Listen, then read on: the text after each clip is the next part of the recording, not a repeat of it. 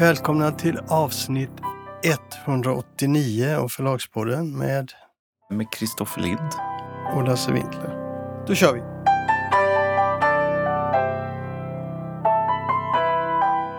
Svante Weiler, den före detta förlagschefen på Norstedts och eh, mannen bakom Weiler förlag har gett ut en bok som heter Böckerna och meningen med världen som vi ska snacka lite om. Eller det känns som ett tryckfel där. Det känns som att det ska stå böckerna ger mening åt världen. Eller förklara meningen med världen. Den rollen spelar ju ändå böckerna i den här boken som är en sorts memoarer Mm. där Svante använder böcker och författare som ingångar i brytpunkter till sitt eget liv. Innan vi går in på den han skriver här, tycker jag som är rätt. Han själv definierar boken så här. Det här är en bok om de böcker och de författare som hjälpt mig, kanske format mig till och med. Vad tycker du? Om du får börja. Nej, men det, jag tycker du presenterade den ganska bra. Det är ju en bok som handlar om hans liv. Det är memoarer, handlar om hans uppväxt, hans föräldrar, hans eh, utbildning, hans sen, kar tidiga karriär och hela tiden så är det ingångar i olika böcker och författarskap som betyder mycket för honom. Det handlar nästan mer om de här böckerna och författarskapet än om honom. Det är elegant skrivet får man nog säga. Men det är inte så mycket om man... Vi brukar lyfta fram böcker som handlar om förlag och förlagsbranschen. Och den handlar väldigt lite om förlag och förlagsbranschen och han väljer förstås mycket medvetet att inte exempelvis namnge personer. Så han skriver exempelvis om konflikterna. Det var rätt mycket konflikter på Norstedt så han skriver att det var en av hans motståndare som lämnade och en författare som lämnade. Och han, han nämner inte att det är Ann-Marie Skarp och Jan Guillou fast alla vet om det i branschen. Så att den, den ger väldigt lite inblickar i själva förlagsbranschen och förlagsvärlden men desto mer handlar det om de här författarskapen som man jobbar med. Jag håller med dig. När det gäller böckerna så är den ofta elegant skriven. Och man ser det att det är hans egen bildningsgång som mer eller mindre lyfts fram. Alltså, de här böckerna har format mig, de här böckerna har varit extra viktiga för mig. Och som sådant är det som sagt elegant skrivet. Men jag delar din uppfattning att det här är en eh, memoar som är rätt knapphändig. Och var man inte där när det hände så förstår man inte så mycket av striderna egentligen. Nej, alltså det är mer en journalist som skriver om böcker som betytt mycket för honom än en förläggare som, som berättar om, om sitt liv och sådär. Men det, ja, jag vet inte. Jag tycker att memoarerna som det ändå är på något sätt, de har ju, den delen av memoarerna har ju ett anslag av besvikelse och bitterhet över sig. Och kan man rör sig runt Svante tycker jag man känner igen sig i det lite grann. Ja, det finns en bitterhet kring det som handlar om Norstedts, det håller jag med om. Ja, och den är han väldigt tydlig med. Han, som du sa, han lämnar inte ut namn, men han lämnar heller inte ut, tycker jag, vad motsättningarna i grunden handlar om. Bitvis gör han det, men det är snålt och det är inte så ofta man förstår djupet på hans besvikelse. Vad gäller namn som inte nämns så finns det en... Under, han, han skriver att de sista åren på Norstedts var, var inte roliga och framförallt så var det en direktör som, som han tyckte väldigt illa om. Hans familj bad honom att vi står på din sida men nu får du sluta tala om den här direktören annars så kommer vi sluta äta middag med dig. Han förstod att det var på allvar. Är det Kjell Bolund eller? Ja, det är Kjell Bolund. Ja. Eh, Jag kommer ihåg de där åren och eh, jag kommer ihåg vid ett tillfälle så, han berättade det själv sen, att han använde mig för att samla trupperna runt sig. För jag ringde och skulle göra en intervju och då satte han på högtalartelefonen så de inne i rummet hörde att det var jag och sen så använde han det samtalet för att formulera sina egna trupper lite.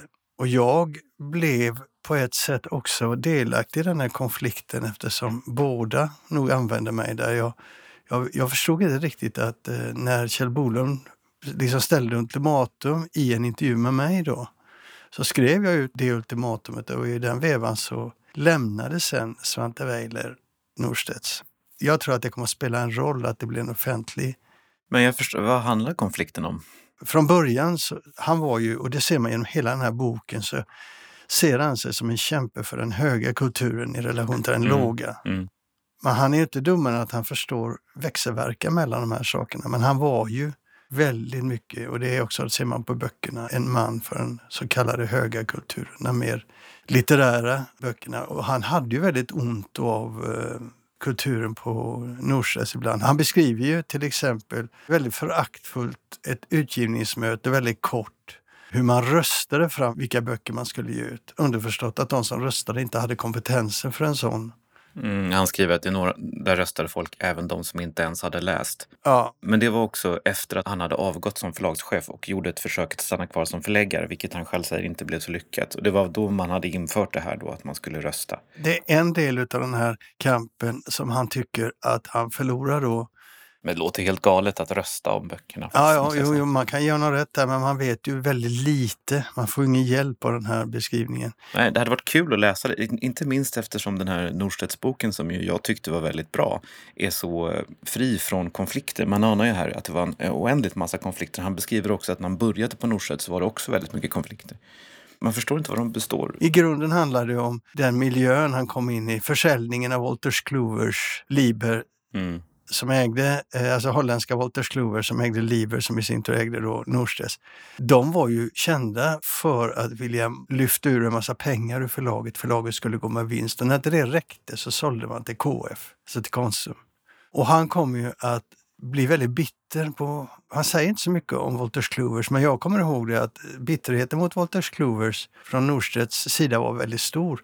Och här speglar han ju detta att hans bitterhet mot KF var ännu större.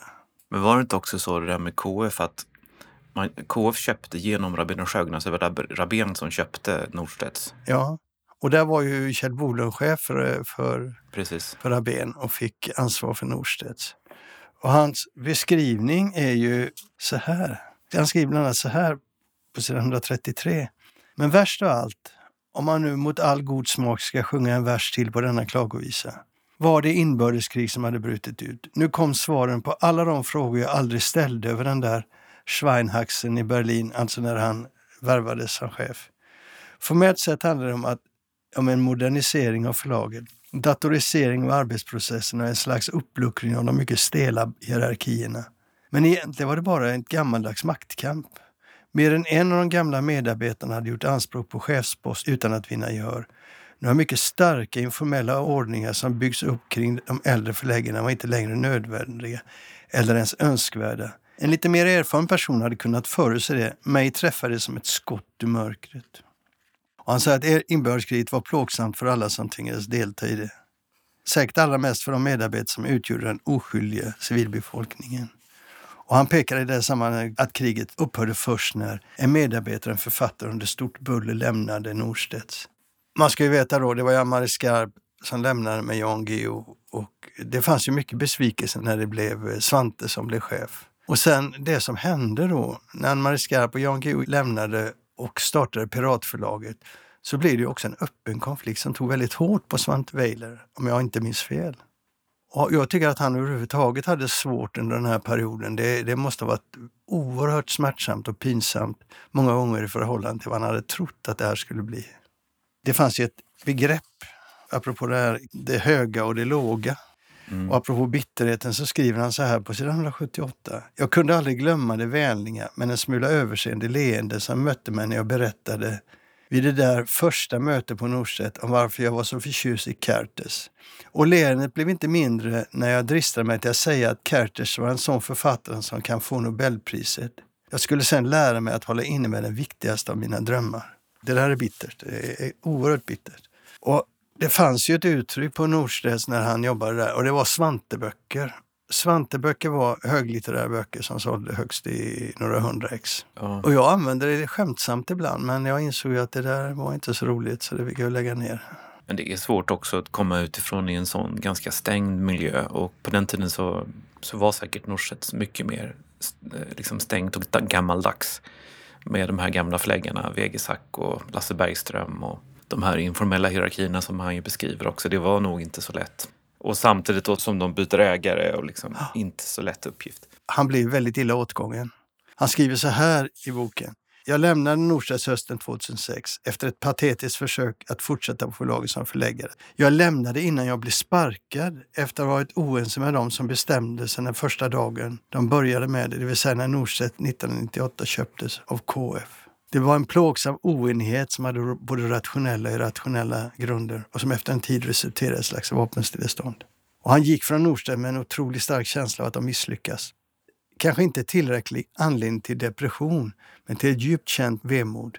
I många år var känslan så stark att jag hade svårt att gå över bron till Riddarholmen, än mindre gå in i förlagshuset. Jag hade så ofta höga ambitioner, förbundit mig så mycket av mig själv med förlaget, med huset och medarbetarna. Det tog lång tid innan minnet av alla de storartade upplevelserna jag ändå hade förmått, jag ändå haft förmådde tränga undan det sista, bittra slutet. Mm. Och det är otroligt ledsamt. Och det är fortfarande lika starkt tror jag. Känslan är nog lika stark idag hos honom. Ja. Men det handlar ju också om att han har, som du beskriver, han talar ju väldigt mycket om när han börjar på Norsjö så talar han om att han ser det som att han ska arbeta för konsten och att han ska vara liksom en förmedlande länk mellan läsarna och konsten. Och så. Det är väl en brutal också verklighet som han möter. Han har ju tidigare jobbat som journalist, han var korrespondent i Berlin, han har ju jobbat mycket för kulturredaktioner, han har varit recensent och sådär. Ja, de delarna av boken från Berlin, de, det är de, de glimrar lite. De är bra. Ja, De är jättebra. Ja. Men han skriver fantastiskt om Christa Wolf och det finns även de tidigare delarna är väldigt bra tycker jag när han skriver om när han var recensent. Och han eh, erkänner hur han, han lät sin politiska övertygelse exempelvis färga hans läsning av Lars Gustafsson. mm, Och att han skrev ner Lars Gustafsson på ett sätt som var helt fel. Och han, hur han liksom skämdes när han träffade Lars Gustafsson och hoppades att han inte skulle märka det. Och han gjorde något liknande med Claes Östergren. Han beskriver också hur han... Ja, det, det, det, de, de bitarna glimrar lite. mm, jag tycker det. Så det här är en, en bok som i alla fall vi som var med på den tiden ska läsa. Jag tyckte det var intressant. Det var ingenting som förvånade mig egentligen i boken. Det var inga avslöjanden som, som jag inte visste om så att säga när det gällde just de här motsättningarna. Men, och att de tog hårt på honom, det minns jag också att de gjorde när han sen startade Weiler förlag. Hur går det med dina egna memoarer? De kommer. De, jag har hunnit halvvägs nu. Mm. Och de är en, Då blir det inget seminarium nu på Bokmässan, men kanske nästa år då? Ja, jo, jag vet att du ser fram emot det. Men jag tror du kommer bli förvånad. Jag tror inte du kommer att gilla allt jag skriver. För jag avslöjar allt. Precis allt. Och jag, Okej. och jag är bitter, det ska du veta. Okej. Tillbaka till den här boken. Eller jag rekommenderar den till folk som är intresserade av förlagshistoria. Och eh, Svante Weiler har varit viktig under de här, den här moderna delen av 20-talet. Ja, och han är väl kanske vid sidan av Dorotea Romberg och möjligen Ann-Marie Skarp den mest kända förläggare som vi har. Han har ju ofta liksom fått ge ett ansikte åt förlagsbranschen och uttalat sig i branschfrågor. Och fortfarande är han en, en, liksom väldigt offentlig person på det sättet. Mm.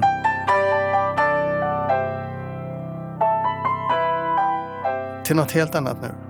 Jag ringde till Konkurrensverket. Jag är så nyfiken på vad som händer runt den här anmälan som Nextory har lämnat mot Storytel för eh, konkurrensbegränsande verksamhet, om man ska kalla det. Mm. Alltså bakgrunden är att Nextory har anmält Storytel till Konkurrensverket eftersom Storytel har stoppat ditt förlags böcker och Norstedts förlags böcker från Nextory. Plockat bort dem helt enkelt. Så jag ringde och hörde vad händer i den där undersökningen? Och då visade det sig att de har begärt och fått in uppgifter från båda parter i konflikten. Så de tittat igenom det och sen har de bestämt sig för att uppgradera frågan till ett så kallat prioriterat ämne. Så man har satt till en större grupp, arbetsgrupp som ska utreda frågan och man be- har bestämt sig för att gräva djupare i frågan. Men man har inte kommit fram till någonting. Liksom. Nej, jag frågade hur länge kan det här hålla på? Och då sa han, eh, utredaren, att "Ja, det kan hålla på två, tre år, men det trodde jag inte att det skulle göra. Här. herregud. Ja. Nej, jag tror ju att det händer något i år. Så det är en sån typ av fråga, tror jag. Så att eh, de måste väl ta det, låta det hända något ordentligt. Mm. Oavsett vad de kommer fram till så måste, kan de inte ligga på det för länge. Det tror jag inte. Ja, så det, de har i alla fall bestämt sig för att det här är en fråga de ska titta igenom. ja, spännande.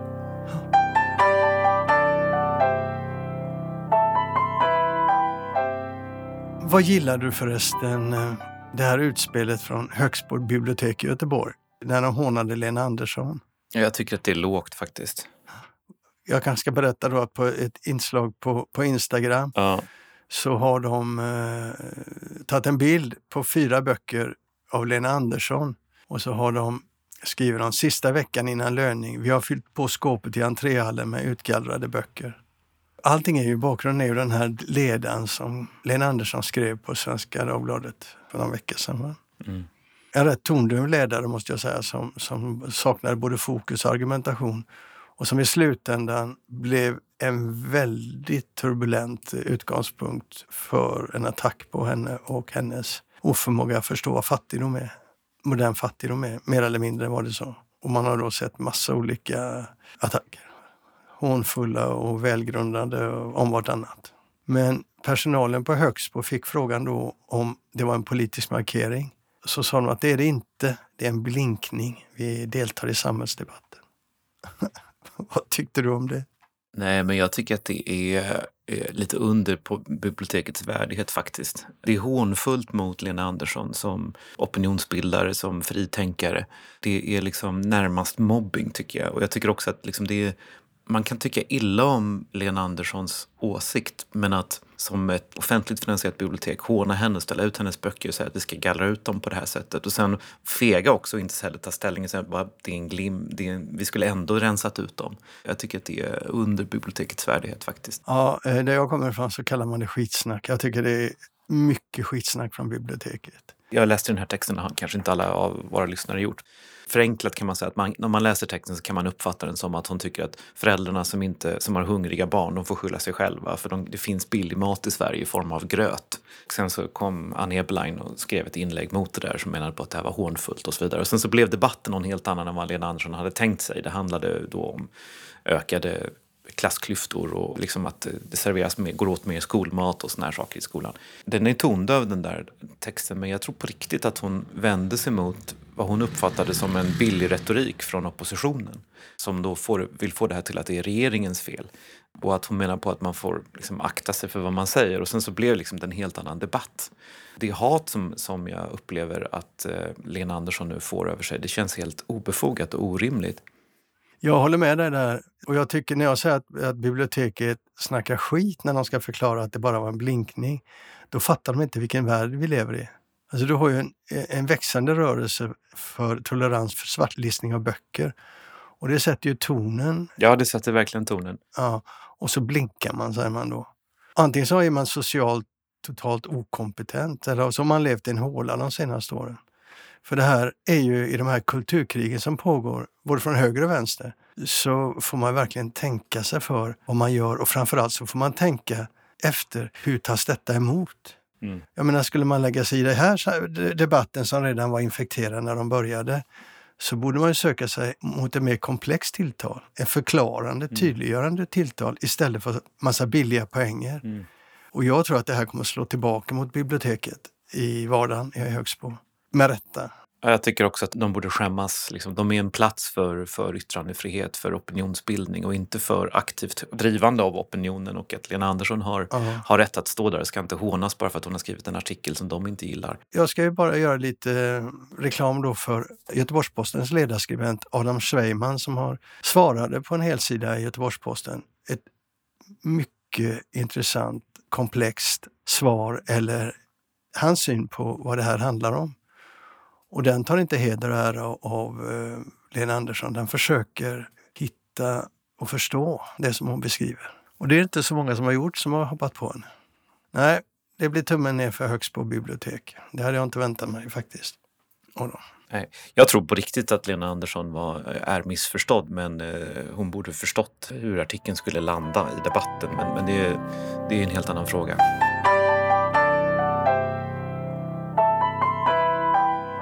En annan liten fråga som jag tycker är intressant, apropå tondöv.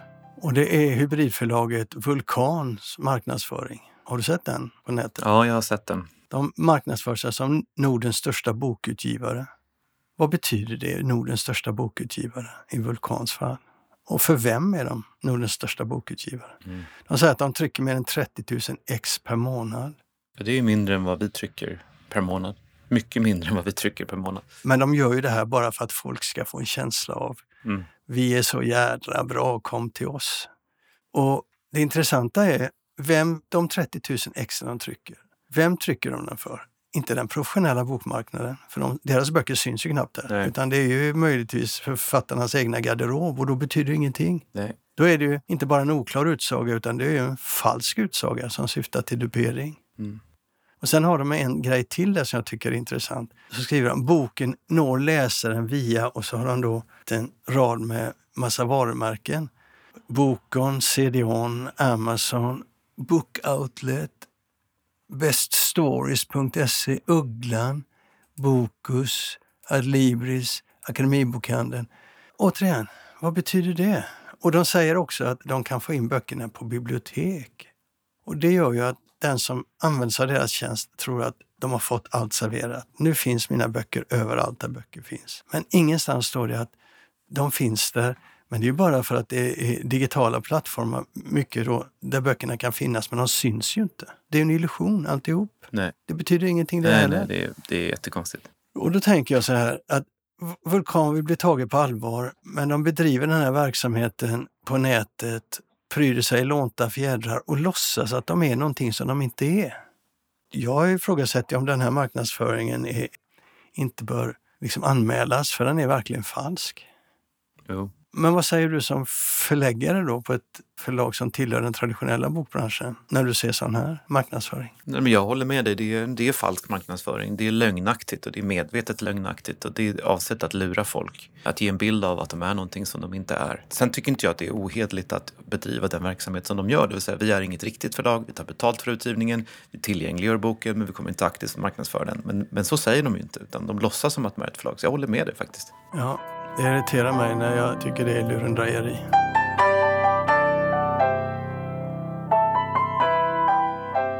Och du, det sista inslaget idag, vet du vad det är? Nej. Det är ett samtal med Hasse Håkansson, en av två ägare till Tristero förlag. Jag tycker de här förlagssamtalen är väldigt roliga att göra. Det är väldigt privilegierat att hamna i miljöer med olika förlag som man får prata med och få gå i närkamp med. Jag tycker de är väldigt roliga att göra. Och här har ni då Tristero förlag. Mm. Nu har vi ytterligare ett avsnitt i vår serie med förlagssamtal. Och den här gången pratar jag med Hasse Håkansson på Tristero förlag. Ja. Då, då ställer ju de flesta sig frågan, vad är Tristero förlag för något?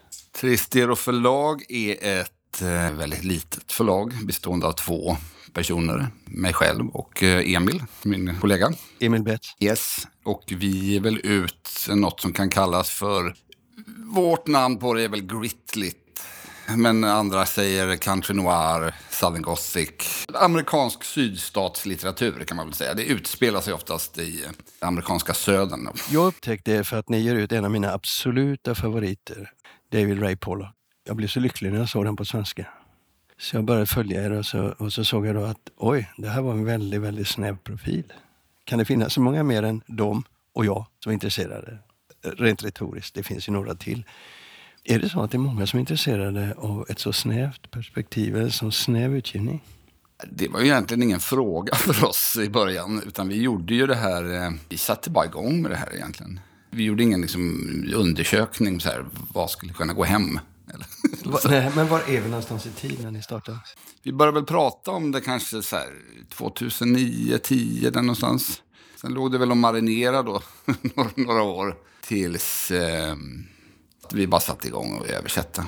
Jag åkte iväg till Asien ett halvår och där satte jag igång och översätta eh, Harry Cruise blir först då.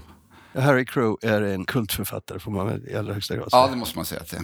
Vad heter den boken? Ormfesten, A Feast of. Snakes, eh, den på 76, 1976. Och detta är då 2000. Ja, den kom ju 2014 tror jag. Mm. Och sen kom Pollock då, då upptäckte jag er. Men hur många böcker har ni gett ut? Det är väl, eh, vad kan det vara, nio, nio. Det här borde jag absolut kunna, för det är inte så många. nio, nio. Och de kommer ungefär en, ungefär var 18 månad och sånt här. Ja, något sånt där. Vi försöker väl eh, någon per år. Och, och, och något år har vi varit otroligt produktiva, då har vi släppt två. Mm, men det intressanta är att förlagets ekonomi ser inte ut som andra förlags ekonomi på ett sätt. För ni, ni ger inte ut en bok för ni har pengar. Nej, så, precis. Så att vi, vi gick ju in med först en insats i början. Då. Så har den, alltså Harry Cruise är den som har burit, varje bok är som en våg som går framåt. Så tar vi nästa våg. Eh, Och varje bok finansierar den, den nästa bok. I princip, det, är- det liksom idén. Men sen har ju undan för undan folk, har ju liksom upp, vissa upptäcker oss på bok fyra, vissa upptäckte oss på bok sju. Och då har de ju oftast hittat resten också då. Så att de köper liksom upp sig på tidigare utgivning. Men hur, hur stora vo- volymer trycker ni av böckerna? Mellan, ja det är väl första upplagorna brukar väl vara på 5 till 800 ex.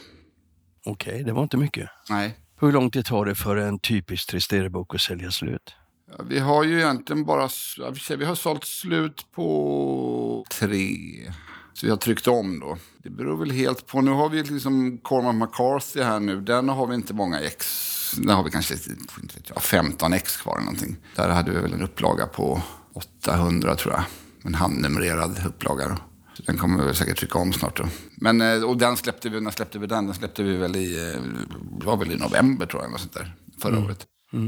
När jag säger att ni inte är riktigt som andra förlag då, ni har valt det här smala uttrycket. Eh, Mottagandet, har det förvånat dig? Jag, jag ser ju om jag tittar på nätet så ser jag att ni har ju fans som är ju riktigt, det är fans. Mhm. De eh, firar nästan när det kommer en ny bok. Men har det förvånat dig ändå att ni ändå har så pass förmåga att få ut böckerna och att det finns, det är ungefär som science fiction-människor. Mhm. Ni har nått en viss grupp av människor, en, en eh, vad ska man säga, nästan en kult. Ja, men precis. Men nej, jag vet, inte, förvånad vet jag inte riktigt. Men vi visste ju inte riktigt hur, det vet vi väl fortfarande inte riktigt hur vi ska få ut grejerna. Men eh, vi vet ju att folk gillar ju liksom alltså, erfarenhet av de jag har träffat i livet. Är ju, liksom- men så här, folk gillar Nick Cave till exempel. Han är ju väldigt influerad av Southern Gothic-estetiken och eh, murder ballads och sånt där.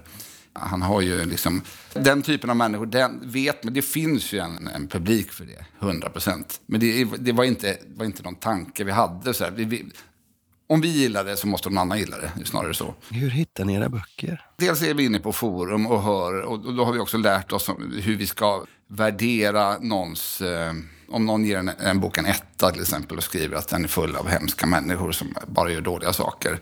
Då, kan det, då behöver inte det nödvändigtvis betyda att det är dåligt. Det kan vara någonting för oss. Ja. Så då kan vi kolla upp sånt där. Eh, och sen har vi ju våra läsare tipsar om grejer. Och ju mer man går in i, i något ämne, desto mer man nördar ner sig i något. Liksom. Då faller det sig naturligt att man hittar Liknande böcker. liknande, liknande och författare och så. Vad jag förstår då så kom Harry Crew, skrev eh, sina memoarer som har fått lysande recensioner. Är det en typ av bok ni skulle kunna ge ut? Ja, 100 procent. Den är ju speciell så att eh, memoar som utspelar sig från han föddes till, till, till och med att han var sju år. Men det är en av de bästa memoarer som har skrivits, eh, skulle jag säga, om, om, om den typen av liv. Ja, det där säger ju också eh, recensionerna. Och det är väl också den som, av hans böcker som i, i, efter, alltså av, av alla de liksom fina tidningarna, eh, den de lyfter upp av hans produktion då, som är liksom den som kommer stå sig över, Men den ska ni ut, eller? Ja, jag hoppas det. Men, men samtidigt så är det, vår takt är, om det är en per år, så blir det ju så att vi vill inte heller bara bli ett Harry Cruise-förlag. Så vi försöker sprida ut eh, vad vi ger ut eh, så att det blir en liten palett av olika då. Men den är absolut en sån bok. Och eh, det finns fler eh, av Harry Cruise som är intresserade av. Men hur många böcker har ni i pipelinen normalt? Ni översätter själva alla böcker? Ja, det gör vi. Vi gör allting själva, förutom trycket. Då. Det finns kanske tio stycken i pipeline. Och sen förändras det. Det är ett levande liksom. eh, Sen beror det väl på vad man är sugen på. Man ska ändå umgås med den här boken. Man sitter och översätter den på fritiden. Det är- Det liksom, det är inget, jobbar inte med det här. Så det, det, man ska klämma in en översättning i sitt liv.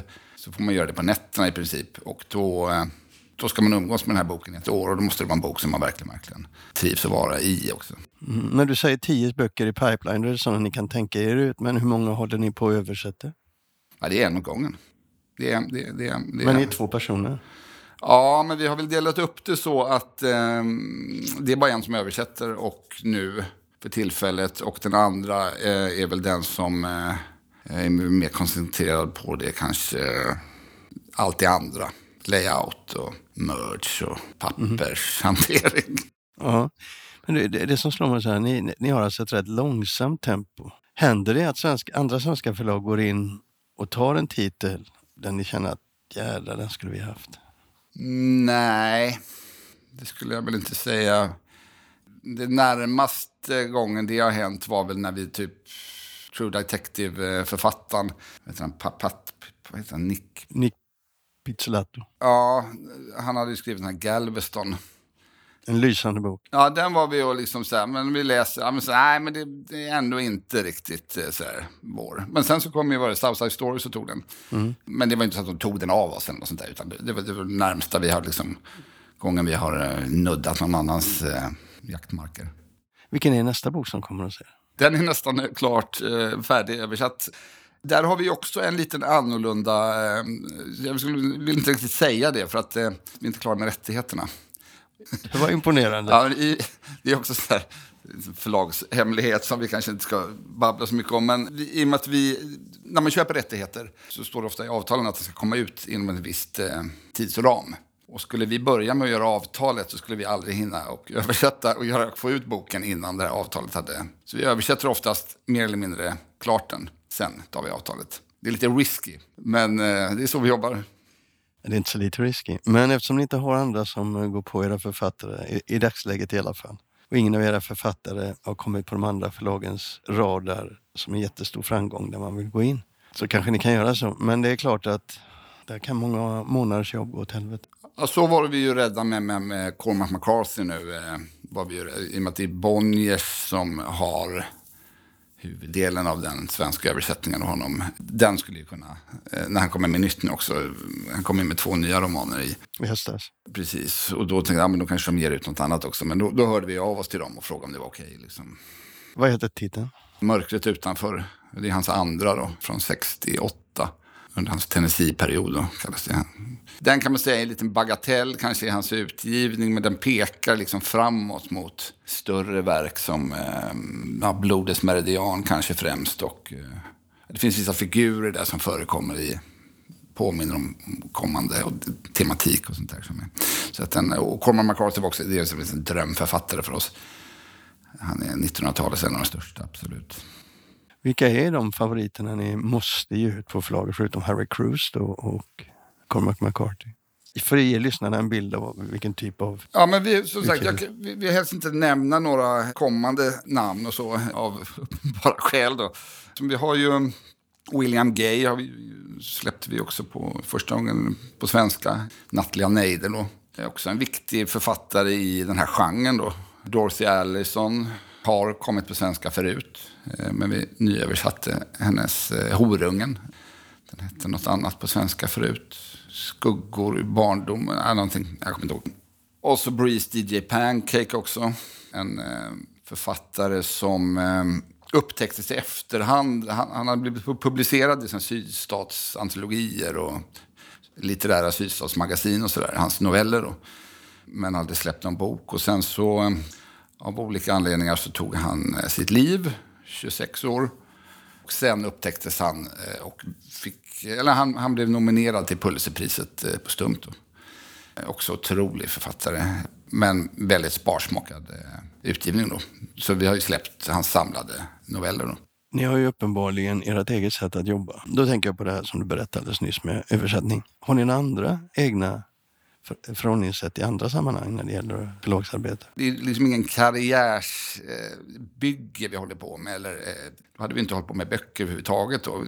Det räcker med att vi går runt och kan bekosta nästa bok. Sen är det ju så dumt också. Man måste vara lite dum för det här också tror jag. För att det, vi håller ju på med rättighetsböcker som man behöver rättigheter för. En vanlig annars är ju från småförlags eh, håll är ju att kanske ge ut klassiker. Som man, bara, man behöver bara översätta dem. De, är- de är fria liksom. Det är ju en väg att gå. Men vi, vi är ju supersmå och håller ändå på med rättighetsbaserad litteratur. Det är ju inte så här super, supersmart. Det är bara bökigt liksom. Och dyrt. Men det är så vi gör. Något annat, det är för, för tråkigt det andra alternativet. Varför det? Man, man skulle ju också kunna ge ut översättningar som är fria. Från 32. Men det är ju inte... Vi gör ju det här för att vi gör det själva. Det är ju som att vi liksom snickrar på en stol. Eller vi hade inte startat ett stolföretag och lejt ut det på liksom andra att göra den här stolen. Utan det, det, själva poängen är ju att vi gör det själva. Som är, ja, det är poängen med det hela. Annars hade vi ju kunnat, liksom, inte vet jag, satsa på det här och ge ut, inte vet jag, vad man behöver för, för att liksom kunna leva på det. Men vad skulle du säga till folk som lyssnar nu och vill starta förlag? Ge dem några av dina erfarenheter som de borde fundera på. Förutom, gör inte som oss då. Ja, precis. ja, men, kom, försök att ringa in exakt vad det är ni vill ge ut. För att ju mindre man är, desto viktigare tror jag det är att man, man har en tydlig linje. Eh, för det går inte att vara någon slags allmän förlag när man är inte så små som vi, liksom, eller, eller mm, även lite större. Så, så man behöver liksom en riktning. Man behöver ha, ha liksom en, eh, en nisch, tror jag. Sen är det väl viktigt att det är väl bara att gör, liksom, sätta igång och göra. Det är väl, gör det bara. Det går inte att, liksom, vad är det man ska vänta på? Energin kanske? Ja, men den kommer ju inte, det har vi ju, Harry Cruise har ju, hade ju någon sån här mantra och det, det, det är väl kanske den enda likheten med Jan Guillou som Harry Cruise hade. Det var det här med att Harry Cruise hade någon sån här, man satt upp ovanför sin, eh, sitt skrivbord där han satt och jobbade, get your ass on the chair. Alltså, alltså disciplin varje dag, sätta sig och skriva oavsett. Och det är väl, Jan Guillou har väl också något sånt att man ska skriva varje dag oavsett. Disciplin är nog viktigare än eh, talang för att få det gjort i alla fall. Något jag borde veta som jag inte har frågat, som du inte har fått chans att svara på? Så här, man, man ska också veta att det är otroligt svårt att eh, komma in på de stora kedjornas eh, centralinköp. Jag tänker på Ugglan-gruppen där och eh, Akademibokhandelns... Eh, det, jag vet inte, vad det här, det här med kamelen genom nålsögat. De svarar inte ens på tilltal. Jag har väl tappat sugen, det är väl så. Och sen när de inte ens tog emot eh, Cormac McCarthy här nu, var, var ju droppen liksom. Då ska vi stå med mössan i handen, vi har Cormac McCarthy, då, då kan vi svara på tilltal liksom. Vi har ju några boklådor som, är, som har varit med från start, som har varit eh, super, eh, alltså som bara öppnade dörren för oss när vi kom. Vilka då? Ja, men Rönnells eh, i Stockholm är ett sånt. De, de, var ju så här, när vi kom med Cruise där. Man, shit vad kul, så här, absolut. Köper in 5X. Söderbokhandeln också på Södermalm. De har ju också varit sedan start. Eh, och Rönnells har vi till och med en, en, egen hylla med vår utgivning. Den typen av boklådor är tyvärr eh, lite sällsynta tror jag i Sverige. Men jag, jag, jag, eh, jag tror att ni ska in på, jag tror att de här kedjorna ska lyssna. Även om de inte tar jättemycket så är det här en litteratur som är, man kan kalla det fismakare, jag gör inte det, men för människor som är intresserade så är det här perfekt att komma åt de här. Ingen annan ger ut dem, så det är perfekt att, att veta att ni finns. Alltså. Ja, precis. För det känns också som att de som är intresserade av den här kommer att hitta oss så småningom. Det är vi liksom ändå trygga med. Mm. De kommer att hitta oss. De vet inte om det än bara. Där kan man ju diskutera. Men å andra sidan så kan man då säga till Ugglan och, och, och Akademibokhandeln att de nog ska ta en titt på era böcker. En sak jag har tänkt på när det gäller den här typen av utgivning som, som ni har. Det finns en författare som heter Franklin som har gett ut Crooked Letter, Crooked Letter. Mm. Den finns inte på svenska. Nej. Det är en magisk bok. Ja. Eller mm. ja. kan vara så. Ja, när jag läste den så tänkte jag det är en sån här eh, coming of age, alltså hur man växer upp och, och, och, fantastiskt på det sättet. Men då tänkte jag när jag läste den, det här är landsbygdsperspektivet.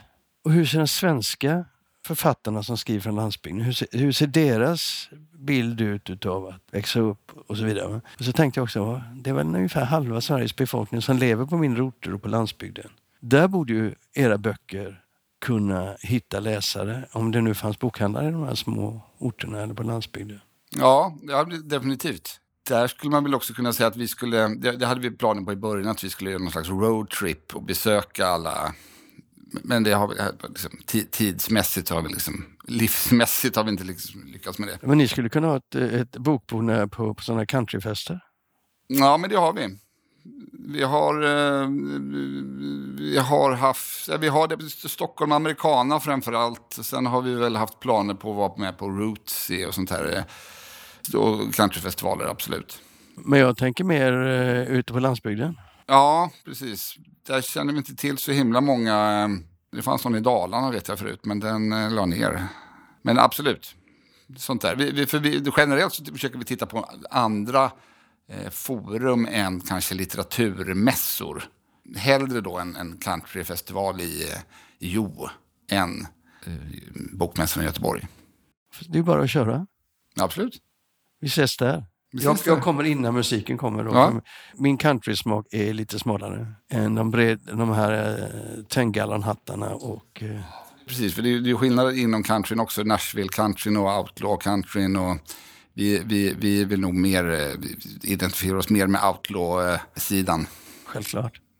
Okej, något mer vi ska ta tycker du? Mm, nej, Tack Hasse. tack.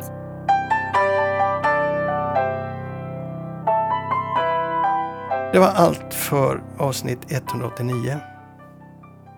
Vi hörs om en vecka. Det gör vi. Hej då. Hej då.